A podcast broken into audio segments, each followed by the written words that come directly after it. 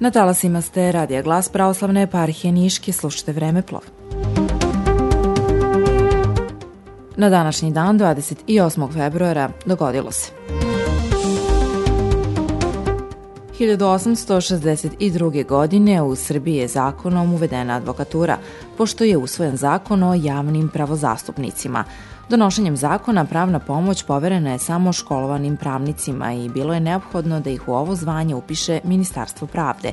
Ranije su stranke pred sudom zastupali pismeni ljudi, mahom činovnici. Smatra se da je inicijator zakona o javnim pravozastupnicima bio Ilija Garašanin, u vreme njegovog donošenja predsednik Savjeta ministra tadašnje Knježevine Srbije.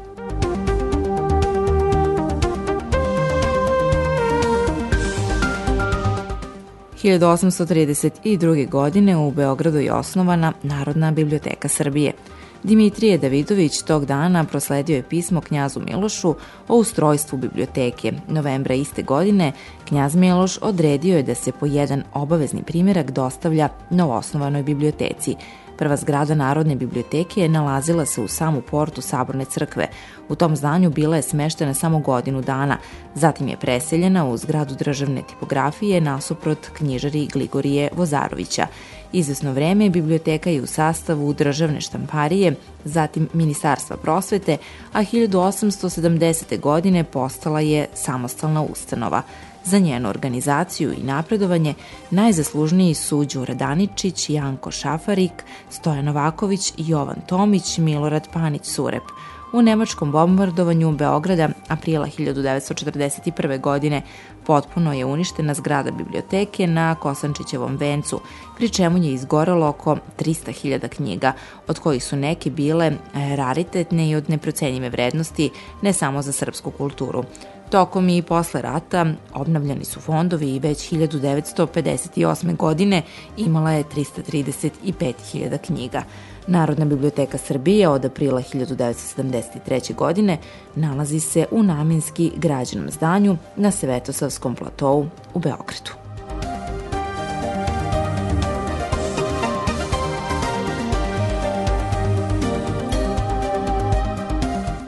1842. godine rođen je srpski filozof, pisac i političar Milan Kujundžić Aberdar, jedan od prvih profesora filozofije na Beogradskoj velikoj školi, član Srpske kraljevske akademije, predsednik Skupštine Srbije i ministar prosvete. Studirao je u Beču, Minhenu i Parizu, diplomirao u Oksfordu. U mladosti je bio jedan od vođa Ujedinjene omladine Srpske i urednik njenog glasila Mlada Srbadija.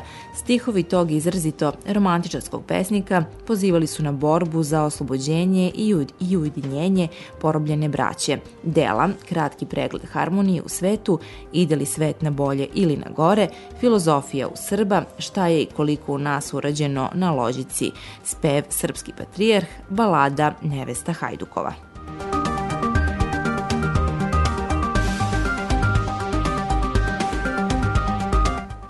1939. godine izašao je prvi broj politikinog zabavnika.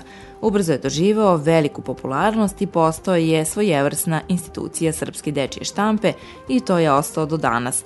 Bio je poznat po redovnoj produkciji vrhunskog stripa i domaćeg i stranog. Prestao je da izlazi 1941. godine, a obnovljen 1952. Poput lista politika, uz njega su odrasle brojne generacije srpske omladine. 1949. godine osnovan Muzej Vuka i Dositeja u Beogradu. Muzej Vuka i Dositeja memorialni je muzej posvećen dvojici velikana srpske kulture, prosvetitelju i prvom srpskom ministru prosvete Dositeju Bradoviću i reformatoru srpskog jezika, tvorcu srpske književnosti jezika Vuku Karadžiću.